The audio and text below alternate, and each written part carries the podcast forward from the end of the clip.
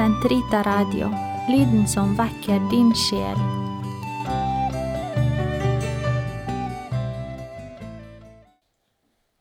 Den katolske kirkes katekisme, uke åtte, søndag, paragraf 2616 til 2622. Jesus hører bønnen.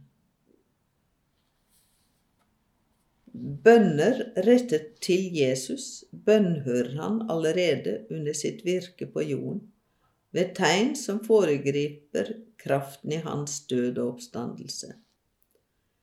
Jesus hører troens bønn uttrykt i ord, den spedalske, Jairus, den kananeiske kvinnen, den gode røver, eller bare taust, de som bærer den lamme, kvinnen med blødninger som rører ved kappen hans, synderinnens tårer og velluktende olje.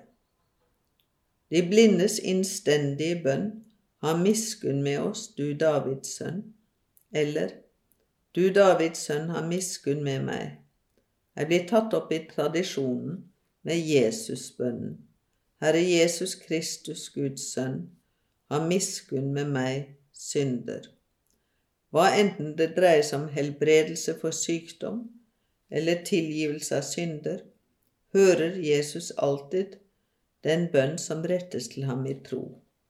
Gå med fred, din tro har frelst deg. Sankt Augustin sammenfatter på en bemerkelsesverdig måte de tre sider ved Jesu bønn. Han ber for oss som vår ypperste prest. Han ber i oss som vårt hode. Han bes til av oss som vår Gud. La oss kjenne våre stemmer igjen i ham og hans i oss. Jomfru Marias bønn Marias bønn åpenbares oss i gryningen av tidens fylde. Før Guds sønns inkarnasjon og før utgytelsen av Den hellige ånd samarbeider hennes bønn på en enestående måte med Faderens frie beslutning, ved bebudelsen med Kristi unnfangelse, ved pinsen med dannelsen av Kirken, Kristi legeme. I sin ydmyke tjenerinnes tro får Guds gave den mottagelse han vendte seg fra tidenes opphav. Hun, som den mektige har gjort full av nåde, svarer ved å gi seg selv helt. Jeg er Herrens tjenerinne. Det skjer meg som du har sagt. Fiat er den kristne bønn, helt å tilhøre ham fordi han helt tilhører oss. Evangeliet viser oss hvordan Maria ber og bønnfaller i tro i Kana, ber Jesu mor ham om det som trengs til et bryllupsmåltid, som er, et, eh, som er tegn på et annet måltid, nemlig lammets bryllupsmåltid, hvor lammet gir sitt legeme og blod når Kirken, hans brud, ber om det. Og i den nye pakts time ved foten av korset bønnhøres Maria som kvinnen, den nye Eva, den sanne mor for alle levende. Slik har det seg at Marias lovsang, det latinske magnificat, det bysantinske megalynarion, på samme tid er Guds mors hymne og kirkens hymne. Sions datters og det nye gudsfolkets sang.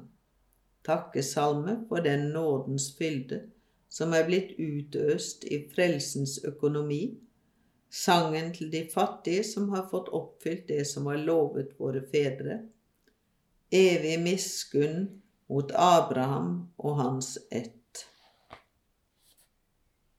Kort sagt, i Det nye testamentet finner vi det fullkomne forbildet på bønn i Jesu bønn som sønn, Jesu bønn som ofte finner sted i ensomhet i det skjulte, består i kjærlighetsfull tilslutning til Faderens vilje, lik til korset, og full visshet om å bli bønnhørt. I sin undervisning lærer Jesus disiplene å be med et rent hjerte, en levende og utholdende tro, og med sønnlig dristighet. Han maner dem til å være årvåkne og ber dem be til Faderen i, han, i Hans, Jesu navn. Jesus Kristus selv hører de bønner som bes til ham. Jomfru Marias bønn i hennes fiat og hennes magnificat særpreges av storsinnet og full overgivelse i tro.